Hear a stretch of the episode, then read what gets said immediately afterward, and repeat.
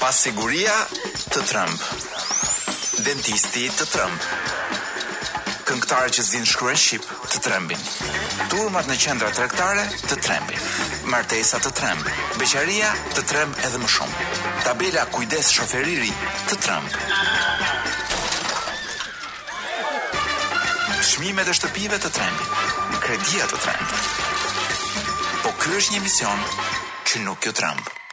Sot nuk është e hënë. Që do vinte dita kur edhe Maluma do më trembte, nuk e prisja kurrë. Po ja ku jemi në këtë të ashtuquajturën ditë vere, ku në një cep të bulevardit ka protesta njerëzish që kanë një hall konkret përballë një veshi të shurdhër, Dhe nga ana tjetër, në cepin tjetër me me shumë polici të ruajtur është krijuar një kënd i dashur aty për ata njerëz që duan të mblidhen dhe të gëzojnë me tingujt porno erotikë, ë narko erotiko estetiko, ë latino e ku di unë gjithë ato gjëra rresht që mund t'i bashkëngjiten Malumës. Pra gjithë ato epitete që mund t'i bashkëngjiten Malumës. Pra jemi në një kohë ku njeriu ka lirinë për të shkuar ose falas në protestë ose të paguajë nuk e di se sa para për të shkuar në një koncert për të cilin është bllokuar gjysma e Tiranës. Cila është zgjedhja e njeriut të, të kohës së sotme në Shqipëri? Kjo është një pyetje shumë interesante. Shkova aty për t'u vërdallisur rrotull zonës ku bëhet koncerti në sheshin Nënë Tereza, dhe parë sa kalamaj të vegjël, kishte edhe nga këto buz, kishte nga këto njerëzit, çuna dhe goca e Instagramit që ti i kupton menjëherë nga stili se si vishen, nga fryrjet nga fakti që duken të të të ushqyer keq dhe të rritur keq, por tentojnë të ngjajnë bukur, gjithmonë sipas standardeve të Instagramit, kishte disa nga këta, po kishte edhe kalamaj të vegjël deri diku të pafajshëm që kanë zhvatur paratë nga xhepat e prindërve, të cilët kushedi se si i mbledhin, se du nuk dukeshin kalamaj shumë të pasur. Ishin kalamaj shtresash të mesme, ndoshta më pak se të mesme, por që në një moment duan të ndjehen si gjithë të tjerët. Pra duhet të ndjehen dhe ata si fëmijë Instagrami, gjithë ishin mbledhur aty tek hyrja e Malumës. Në një kohë, në kohën më të papërshtatshme të mundshme, në kohën që Shqipëria është e gjitha e acaruar, është e lodhur, ë dhe është në protestë praktikisht, edhe kur nuk dalin njerëzit në në shesh, në në bulevard janë prapë në protestë. Është gjithmonë ky grupi tjetër që po përpiqet të hyjë dhe po pret radhën për të hyrë te Maluma. A na duhej një Malumë në këto momente? Pa dashur të shqetësoj biznesin e koncerteve, sepse është një nga bizneset që unë i kam më për zemër, pra njerëz që përpiqen të ndërtojnë pra financiarisht të ndërtojnë një biznes duke sjellë këngëtarë, duke tentuar të, të krijojnë evente muzikore. Por unë nuk mendoj që Maluma është gjëja që i duhet Shqipërisë. Jo në këtë moment. Dhe mbi të gjitha, për sa për për sa i përket shijeve të mia muzikore, Maluma është uh, gjëja më e shëmtuar në qarkullim dhe në mainstream sot. sepse është pjesë e narkoestetikës. Është pjesë asaj muzike që në fakt nuk është se ka ndonjë vlerë shumë të madhe, bën bujë shumë të madhe, imponohet me, ku di un, me atë stilin alla Instagram, byth, cica, buzë të fryra, ku di un, por eh, Shqipëria nuk është si Maluma. Bota Malumës është e rreme, është e gënjeshtër. Ato gocat në videoklipet e Malumës nuk janë të vërteta. Dhe ato imazhe femrash janë imazhe prostitutash, nuk janë imazhi për t'ia imponuar rinisë shqiptare. Pa dashur t'ju tregoj njerëzve se çfarë të zgjedhin, un mund të bërtas të vërtetën time këtu në radio. Dhe vërteta ime është kjo që sot për inat të Malumës falas do të kemi vetëm muzikë rock. Po jo rock, po rock shumë të fortë. Kështu gjatë gjithë un zakonisht kam qejf që ta që në emision të sjell lloj-lloj zhanresh, swingu elektronik, shumë muzikë indie e të tjera të tjera duke u kërkuar ndjesë për eh, moralizmin. Ju po dëgjoni sot nuk është e hënë dhe këta ishin The Scorpions me një këngë të dalë nga furra përpara një një muaji. Eh, do të jemi për eh, pothuajse një orë e 30 minuta tani, deri në fillim të koncertit të Malumës, të Malumës, do ju sprovoj me rock, pastaj domethënë do ju trondis me rock dhe të shohim a do të gëlltisni dot muzikën e Malumës më pas. Kemi këtë lajmin kryelajmin e javës kaluar që ishte pjesa e protestave, që është një nga gjërat më të bukura që kanë ndodhur në Shqipëri në vite. Më në fund për herë të parë unë shoh njerëz që realisht ngrihen dhe reagojnë për halle të vërteta dhe konkrete të tyre. Pra jo për miden apo për vota të vjedhura të njerëzve që ankohen që u vjedhin votat, po ndërkohë vjedhin sapo vijnë në pushtet votat, që u vjedhin votat gjatë zgjedhjeve, po ndërkohë Vetë vjedhin vota kur votojnë brenda partisë etj etj. Kështu që më në fund nuk kemi më akuza për vjedhje votave që dikush nuk u bë dot president apo deputet, por kemi apo kryeministër, por kemi e, protestë reale për halle çmimesh. Dhe kjo protestë është shoqëruar dhe me shumë nënngjarje të vogla, të gjitha gazbore. Për shembull, ë situata me Tashen, i cili a ta shohim në cilin program ka qenë, Mua lajmet m'i përgatit kolegu im Florenc Zerelari. Po, paska qenë në një emision tek Opinioni dhe paska thënë që kjo ulja e çmimit të naftës nuk ka të bëjë me bursën dhe kur Dashi e thotë sigurisht që Dashi ka gjithmonë të drejtë. Ëh, pra nuk ka lidhje fare me bursën ndërkombëtare, por Rama thotë ka marrë në telefon edhe i ka thënë Po çfarë bëni mor legena? domethënë këtyre grosistëve të naftës. Çfarë bëni mor legena? Ku e çuat çmimin? E nxorët popullin atje. Domethënë, makutëria kishte kaluar pak me shpejtësi atë pritshmërinë që kishte pasur Rama nga ngritja graduale e çmimit. Pra, kur ta fusin ngadalë, Rama mendon që ne nuk e kuptojmë. Edhe mund të ketë të drejtë. Po kur eh, bam bam domethënë rritja e çmimit ta fusin me njëherë me një gjë shumë të madhe, sigurisht që të dhëmb. Dhe prandaj kemi këtë patëm këtë daljen në protestë. Dhe Dashi e thotë që kjo ulja e çmimit ishte sepse Rama mori le, e, Mori në telefon dhe i tha ç'bëni mor legena. Tashi ose ata vërtet ose mund të ketë një mundësi tjetër që kryeministri mendon që vjedhja e naftës në këtë vend bëhet me legena, ndoshta. Kështu që ka qenë në të vërtetë duke bërtitur kundër vjedhjes. Ç'bëni more? Po si vjedhni mor naftën me legena? Ose legena janë këta që vjedhin naftën. Dy alternativa ka. Uh, tjetër, Rama paska dalë prap, uh, nuk e di a keni vënë re që kryeministri ka filluar bën si Zelenski, bën video. Domethënë ai i shkreti i bën videot vetë se është në situatë lufte. Ky joni tash do të bëhet hero po pa pasur luftë.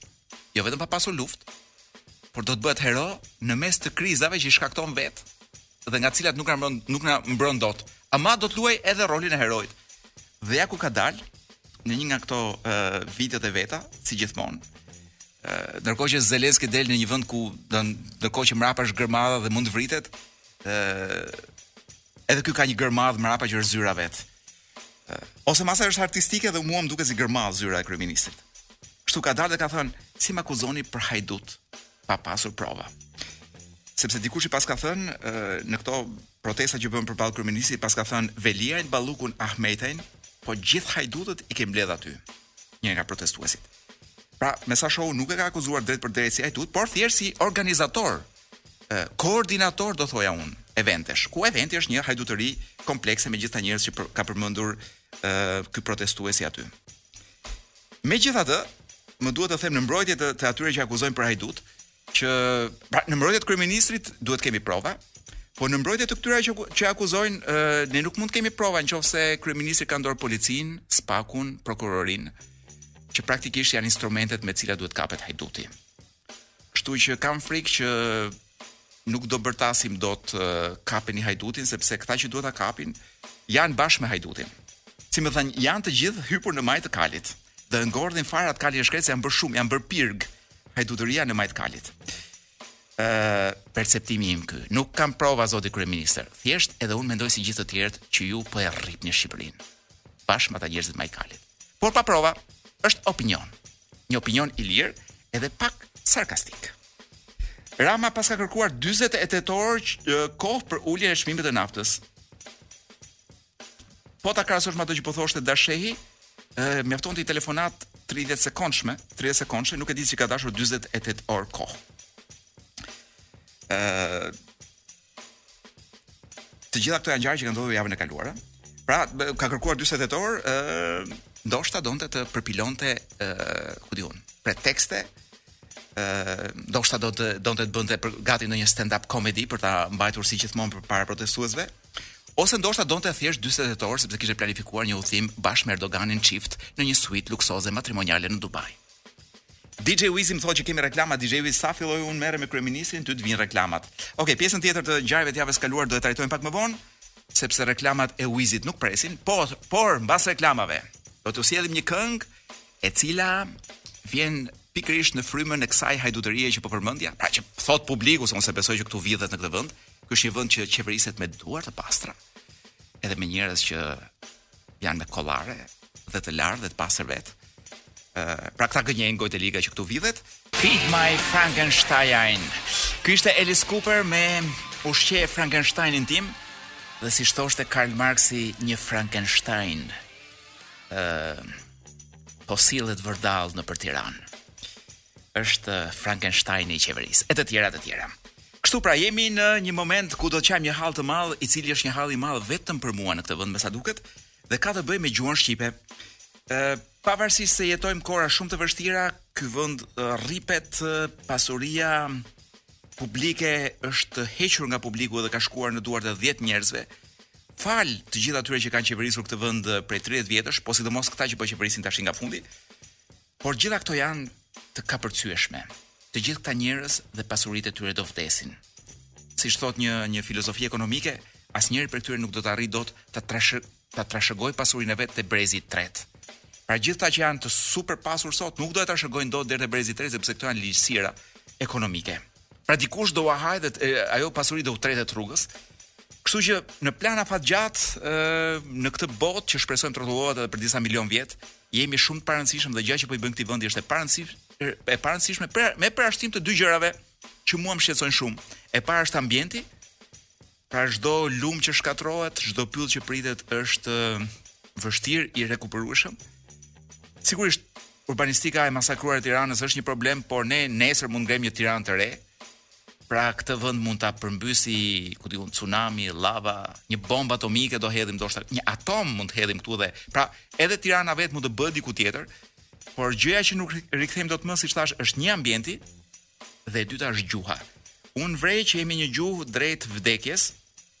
Arsyeja pse jemi drejt vdekjes është sepse ne jemi gjithnjë më tepër injorantë dhe e njohim gjithnjë më pak gjuhën tonë, e lëvrojmë gjithnjë më pak, edhe më keq. ë dhe gjëja që ka që po i fut një kolpo finale, një goditje finale gjuhës tonë është kush do thoni ju? Kush thua ti DJ Wiz? Jo Maluma. No Maluma nuk ka gisht në në shkatërrimin e gjuhës shqipe. Gjuhën shqipe po e shkatërron Google Translate-i. U futa për të parë horoskopin. Horoskopin e Paolo Foxit të përkthyer nga një nga këto portale shqiptare. Dhe ky është shembulli konkret se ç'ndodh me Google Translate-in, ku jo vetëm portalet përkthejnë me Google Translate, pra me atë përkthyesin automatik për ata që nuk e dinë se çfarë është. Ë, por tashmë edhe tezat që dorëzohen në nëpër fakultete përkthehen vidhen diku dhe përkthehen me Google Translate. Ë deri edhe në televizionet më kryesore lajmet përkthehen me Google Translate. Pra shqipja po dhunohet në të gjitha format e mundshme. Ë dhe praktikisht po e mbysim me duart tona. Ja t'ju lexoj një çik horoskopin sipas këtij portalit. Ju do thoni po ç'ne me horoskopin. Kam ashtu edhe unë ato dobësitë e mia. Pavarësisht se është një një mashtrim i madh kjo puna e horoskopit, Kemi dëshirë, si gjithë njerëzit në kohëra stre, periudha stresi edhe në kohëra të vështira, duam të gjejmë shpëtim diku, te horoskopi. Ashtu dhe. DJ Wiz, kush je ti në horoskop? Don cila shenjë? O binjakët. Atëherë të shohim çik ç'thotë ky përkthimi me Google Translate që i kanë bërë uh, horoskopit të Paolo Foxit. Dhe ky portali s'po ia them emrin. Binjakët, probleme me zemrën thotë, Të dashur binjak, kjo nuk do të jetë një javë e lehtë për të menaxhuar në lidhje me ndjenjat. Kjo fjali nuk është shqip. Përkthimi i kësaj fjalie është krejtësisht i bërë në mënyrë automatike. Ë Shqip do të ishte kështu, të dashur binjak ose i dashur binjak ose të dashur shqiptar të shenjës së binjakëve.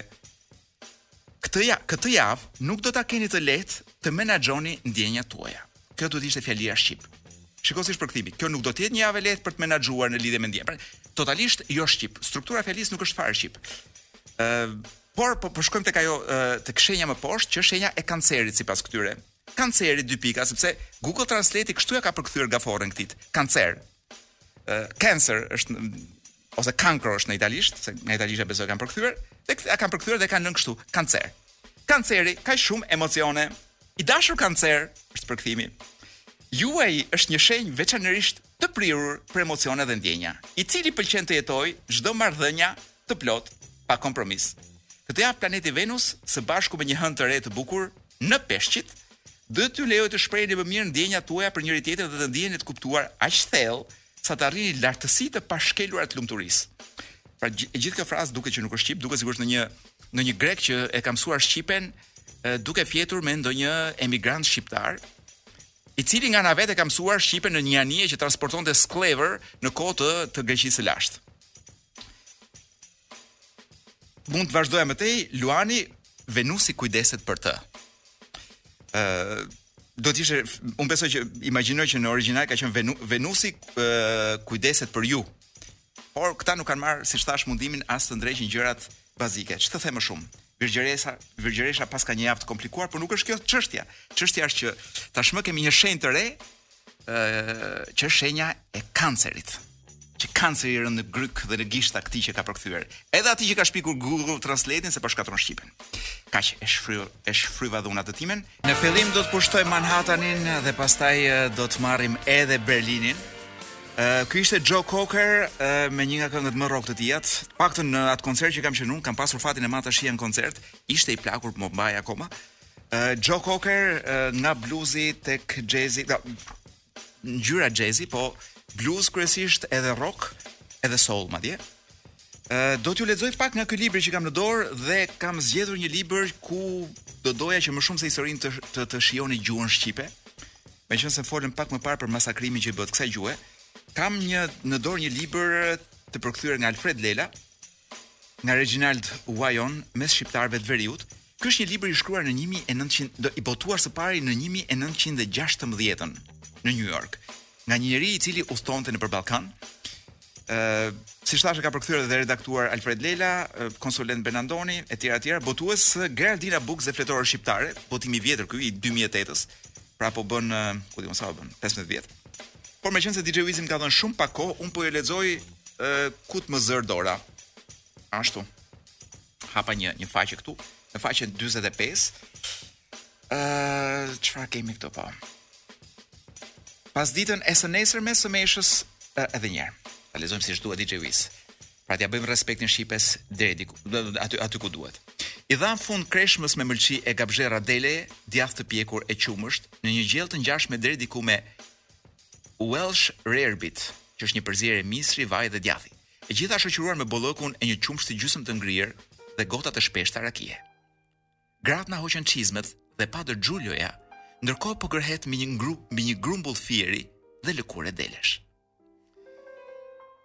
Pasditen e së nesërmes së meshës, në pllajën e madhe të Kosticës, jemi strehuar në banesën verore të një sojniku shqiptar, i cili bashkë me gruan, tre djemtë e tij të fuqishëm, me gjithë gratë, dhe një dhe një a dy plaka të papërshkrueshme, ndoshta nëna dhe tezja e tij, banojnë në një kullë të thjeshtë 14 me 8, në hapësirën e kufizuar të së cilës unë dhe Padreja jemi shtrydhur.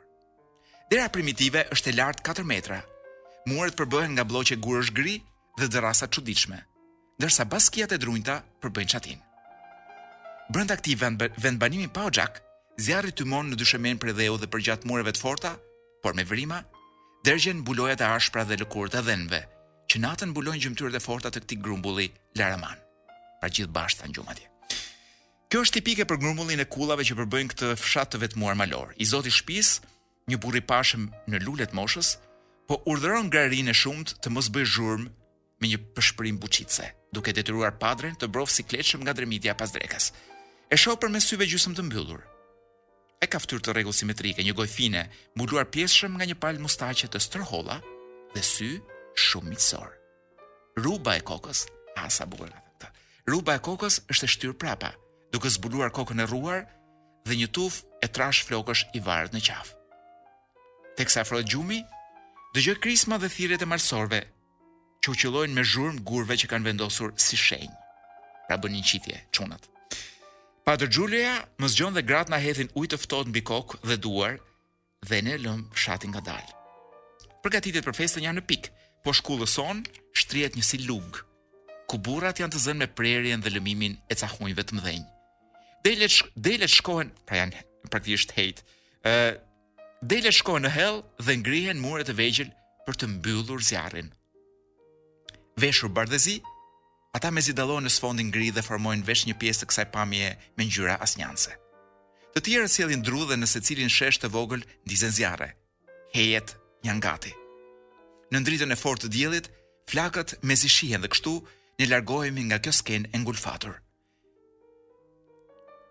Ngjitemi nëpër male, prit kalojmë diku te një pjesë më e bukur, po. Sot rrallëkund gjendet një majë në botë që të mos jetë kapur dhe eksploruar nga njeriu. E megjithatë, këtu në Europë ngrihet një mal i egër sa më s'ka, ku ngjitja barabitet me vdekjen. Malsorët luftarakë përreth bazës së tij nuk i lënë të huajt të kalojnë. DJ Wiz më thuaj kur kur të jemi për të ikur që këtej, ëh? A jemi thotë DJ-u, ja të mbaroj edhe këtë fjali. Ë, uh, pra malsorët luftarakë përreth bazës së tij nuk i lënë të huajt të kalojnë dhe për vete nuk kanë asgjë për të gjetur aty, ku as dhitë nuk bëjnë kafshatë. Pak burra guzimtarë i janë afruar bazës për t'u ndeshur me grykët e pushkëve prit për të shkuar më tej. Shprehja shqiptare se jeta e burrit vlen sa një fishek nuk është mburrje e kotë, por një nga ato që udhëtarët e kujtojnë me dhimbje kur pushkët e marrin fjalën. Ja pra çfarë kombi kemi qenë në 1916-ën. Ashtu de, sot nuk është e hënë dhe ju po dëgjoni Top Albania Radio. Është një darkë e vështirë ku njeriu është i ndarë më dysh. Është si puna e gomarit që i vënë dy mullarë në dy krahë të kundërt, Të shkojë te mullari i protestës apo të shkojë te mullari i malumës. Ë sigurisht që nuk e vë në dyshim që sidomos një moshë e re kështu, mosha e njerëzve të cilët mendojnë që jeta është vetëm ajo e Instagramit, e pjeshkave, kastravecave dhe malumave të Instagramit sigurisht që do donte të ishte në koncert. Ë pa i paragjykuar për shijet e tyre muzikore, mund të them që Unë do kisha preferuar protestën sepse protesta gjithsesi është një çik më rock se sa Maluma. Ë dhe në këtë lloj forme duke qenë se nuk jam aty nuk jam dot në këtë orë në në bulevard për të bërë zgjedhje mes protestës dhe Malumës. E bëj protestën time këtu nga radioja. Dhe protesta jonë është një natë vetëm me rock. Dhe rocku që do t'ju propozojmë tani është një rock luftarak në të vërtetë. Pak ditë më parë, njëri nga këta çunat e këtij grupi që unë dua t'ju propozoj tani, vendosi që t'i bashkohej luftës sepse ky është një grup është një band ë uh, ukrainas, quhet Okean Elzi. Shpresoj që po e shqiptoj mirë. ë uh, është një grup ukrainas nga më të njohurit në jo vetëm në Ukrainë, por në gjithë në gjithë zonën e ish bashkimit sovjetik. Dhe duke lexuar nga këto mediat e pavarura të Kievit, po lexoja që ky Slava Vakarchuk, që është edhe lideri i grupit, vokalisti, edhe këngëshkruesi kryesor, vendosi që të lërë kitarën edhe të marrë ku di un ato bombat e molotovit edhe të bëhej gati për të mbrojtur Kievin. Si me thënë, la Pantallonat dhe xhaketën e lëkurës prej rockstarit dhe vendosi të veshi ku di un. Ça veshin këta ushtarët o DJ Wiz? Xhinse tur, xhinse kineze. Veshin xhinse kineze, domethënë që edhe po iu dogjën ose ku di un në mes luftës. Mos kenë humbur një gjë të madhe. Unë dyshoj që lëkura është mënyra më e mirë për të shkuar në në në luftë. Gjithsesi ky do jetë veshur me ato gjërat e luftës, me atë me atë shiritin e verdhë në krah që mbajnë këta mbrojtësit e e qyteteve të Ukrainës.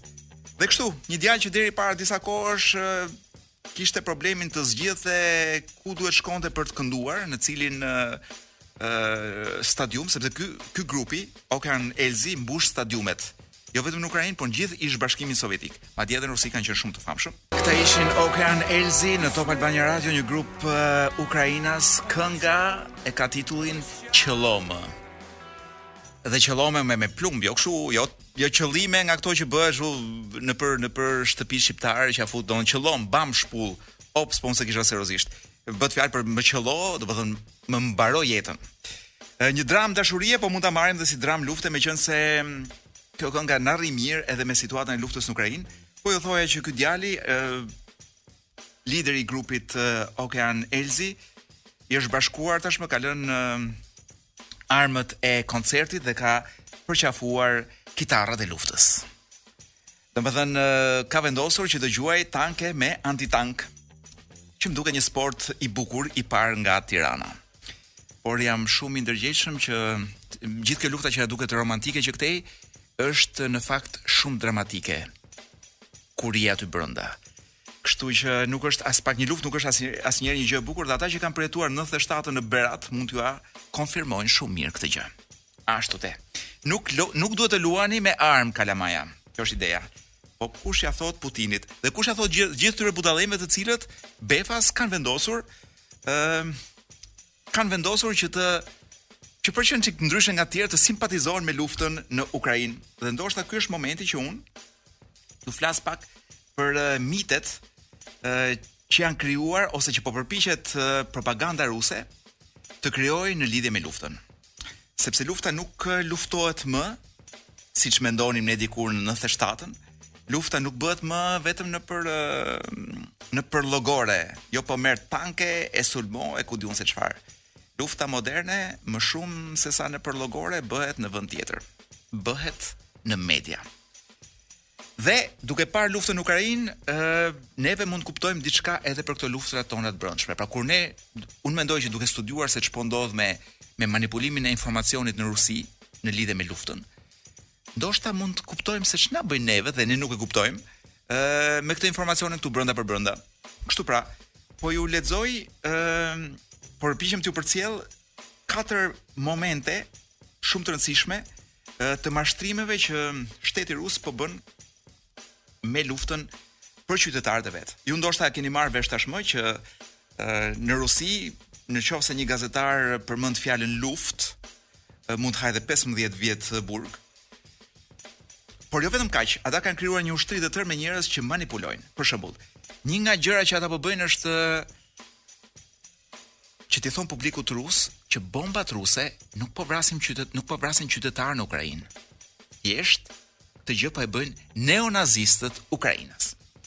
Dhe un kam këtu edhe me fakte madje përpara me të zbërthyera nga New York Times. ë është artikulli kryesor që është në këtë në në në në websajtin shtetëror të lajmeve në Rusi, TASS-i i famshëm, TASS, dy s-ë, i cili thotë Ja të përpiqemi ta përkthejmë një çik të gjën këtu se është çik si në rusisht. Ë Ashtu de, ky thotë Ministria e Mbrojtjes, pra lajmi është ky, Ministria e Mbrojtjes ruse raporton se nacionalistët Nacionalistët ukrainas sapo kanë shkatërruar tentativën e dytë për të evakuuar civilët nga Mariupoli. Ë, pra neonazistët po i përdorin civilët në Mariupol si mburojë njerëzore për të mos i lënë ata që të evakuohen. Pra kjo është një gënjeshtër që thuhet përmes zërit kryesor të të mediave në Rusi. Ju do thoni po kush e bën këtë gjë në Shqipëri? Tani e dimë gjithë shumë mirë që këtu në Shqipëri këto media tona të dashura janë shërbejnë o këtej o andej. Po shumica shërben këtej. Domethënë, dhe gjithnjë më pak media po shërbejnë andej. Kështu pra, një gënjeshtër tjetër në lidhje me luftën ka të bëjë me me çështjen e ndërtesave bërthamore. Meqenëse Ukraina ka disa impiante bërthamore, Nuk është çudi që dëmtimi i njërit prej tyre të shkaktojë një Çernobil të dytë, mbas ndoshta edhe shumë më të rëndë në Europë. Me përmasa të mëdha, dëm shumë i madh për Ukrainën dhe Rusinë bashkë, por ne mund t'i ndjejmë deri këtu poshtë në Mesdhe efektet e tij. Dhe shiko se ç'thotë se ç'thonë mediat ruse zyrtarisht në lidhje me sulmin që bënë përpara disa ditësh kundër një njërit prej këtyre impianteve nukleare, të cilin e bombarduan. Putini, thonë mediat ruse, i ka thënë Macronit që provokimet që po vijnë nga grupet radikale ukrainase kanë tentuar të shpërthojnë, të shpërthejnë, falni, ë implantin nuklear në Zaporizhia. ë Dhe jo vetëm kaq, po ka një fushatë cinike të propagandës të gjithë botës, të cilët po përpiqen që këtë faj t'ia lënë palës ruse Pra edhe për këtë po përpiqen që të vënë fajin tek ukrainasit. Ndërsa për shkatërrimin e ndërtesave e banesave apo apartamenteve të qytetarëve ukrainas, rusët pretendojnë që këtë gjë e bëjnë po prapë, e bëjnë ukrainasit vetë. Dhe ja ku thotë, ja ku është lajmi, lajmi është në njërin prej televizioneve më të mëdha ruse. Lajmi thotë, ë dy Dy predha ukrainase goditen goditën apartamentet në lagjet e Melitopolit. Për t'ia vënë fajin si gjithmonë trupave ruse.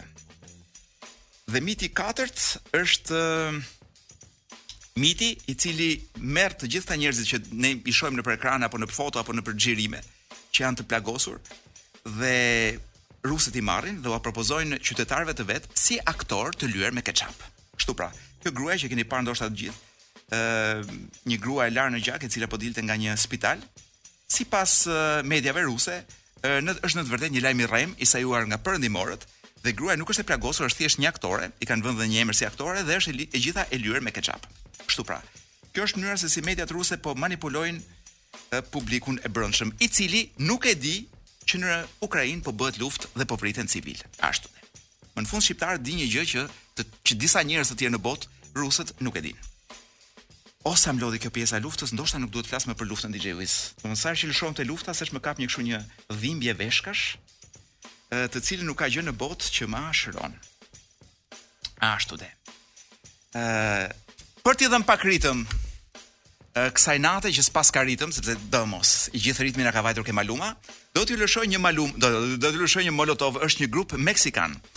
Ë një grup meksikan rocku, po që bën rock të përzier me rock të përzier me rap. Kënga vetë është gjithashtu një këngë lufte.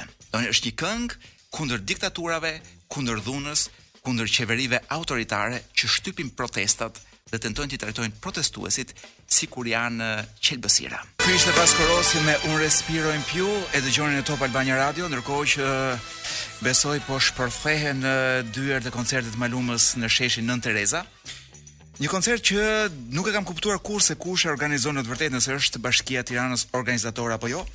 Në qoftë se siç po dëgjoj apo po lexoj nëpër disa media, Bashkia e Tiranës është organizatore e koncertit, kam disa pyetje dhe një nga pyetjet është sa para ka kushtuar ky koncert.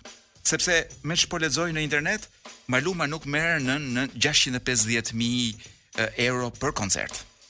Kështu që duke marrë për të vërtetë këtë këtë shifër, unë mund të them që me këtë shifër ne mund të merrnim mund të merrnim Vasco Rossin plus diçka tjetër. Ë, uh, por me këtë shifër ne mund të merrnim uh, mund të bënim 3 ditë festival dhe mund të merrnim 10 grupe shumë të mira. Pra nuk kishim nevojë pse të merrnim vetëm Malumën, mund të merrnim 10 grupe shumë të mira që të kënaqnim të gjithë. Të kënaqnim edhe DJ Wizin, i cili ë uh, nuk përputhet uh, me Malumën, më shumë për Për jetën e shthurë që bën Maluma sepse DJ Wiz është njeri me principe shumë të larta morale. Kështu pra, unë nuk e kam kuptuar kurrë këtë vendimmarrjen për Malumën dhe mbi të gjitha nuk e di se sa para janë shpenzuar nga taksat tona. Dhe sa çerdhe për shembull kemi hequr ne nga lista, i kemi vënë kryqin që të kemi për një natë Malumën në Tiranë. Kjo është një pikëpyetje e madhe. Kush e sjell, sa kushton dhe në qoftë se është e vërtetë që paratë vijnë nga Bashkia e Tiranës, gjë që s'e dim akoma, Pse duhet që ne edhe të paguajmë me taksat tona, po edhe të paguajmë para për të hyrë në shesh, pra për do bileta me sa mora vesh unë ku di unë. Është kushton diçka. Ë, dhe ndoshta kushton më shumë se sa diçka. Këto janë disa pyetje që ne si qytetarë në fakt është e drejta jonë që t'i dimë dhe është detyrimi i autoriteteve që të na ë na informojnë e të na japin gjithë informacionin që na duhet dhe të jenë transparentë për gjithçka që bëjnë me paratë tona. Gjë që nuk para ndodh sepse këtu njerëzit janë mësuar, domethënë që paratë tona nuk dihet ku shkojnë, nuk dihet si përdoren, edhe pse transparenca është kushtetuese, pra detyrimi për transparencë është kushtetues. Kështu pra, ka një hije të madhe dyshimi mbi këtë koncertin e Malumës. Gjithmonë në qoftë se është organizuar siç thuhet, ë po lexoj madje edhe në lajmet e Top Channel-it në qoftë se është organizuar nga Bashkia e Tiranës. Në qoftë se nuk është organizuar nga Bashkia e Tiranës, pra është një event privat, atëherë më lind pyetja, pse duhet të bllokojmë rrugët dhe sheshet tona për evente private kur stadiumi është i etur për koncerte dhe pse koncerti nuk ndodh brenda në stadium? Lind pyetja. Ë, uh, sigurisht që këto janë pyetje për të cilat nuk do të marrim kurrë përgjigje. Ë, uh, sepse kjo është një bashki e cila nuk i përgjigjet qytetar qytetarëve të vet, sepse ë uh, nuk ka nevojë t'ua them unë sepse. Ndoshta sepse pushteti i tyre nuk buron nga vota ime, as nga vota juaj. DJ Wizin e vura përpara një zgjedhje shumë vështirë. Meqenëse jemi keq me kohën, na u desh të eliminojmë njërën nga këngët dhe ndërmjet Megadethve dhe Nirvanave shtymë për javën që vjen Nirvanat dhe do mbajmë Megadeth. Por shkurtimisht DJ Wiz për seksin, po do flasim jo tamam për seksin, por gjëra që na eksitojnë. Sipas japonezëve, Gjëja që na eksitoka neve meshkujve, na qenka bisht kali. Domethënë, jo, jo kali me bishtin e vet, por modeli i flokëve bisht kali. Sepse çfarë ka ndodhur, ë në shumë shkolla japoneze, një në 10 të paktën, kanë vendosur që të ndalojnë goca që të mbajnë flok me bisht kali.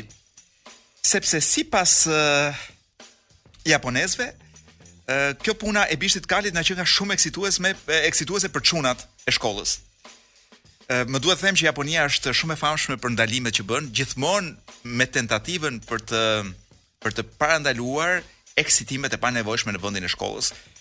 DJ Wiz ne dimë shumë mirë që eksitimi në vendin e shkollës është gjëja më e bukur që mund të ndodhi, por nuk është shumë produktive për mësimin.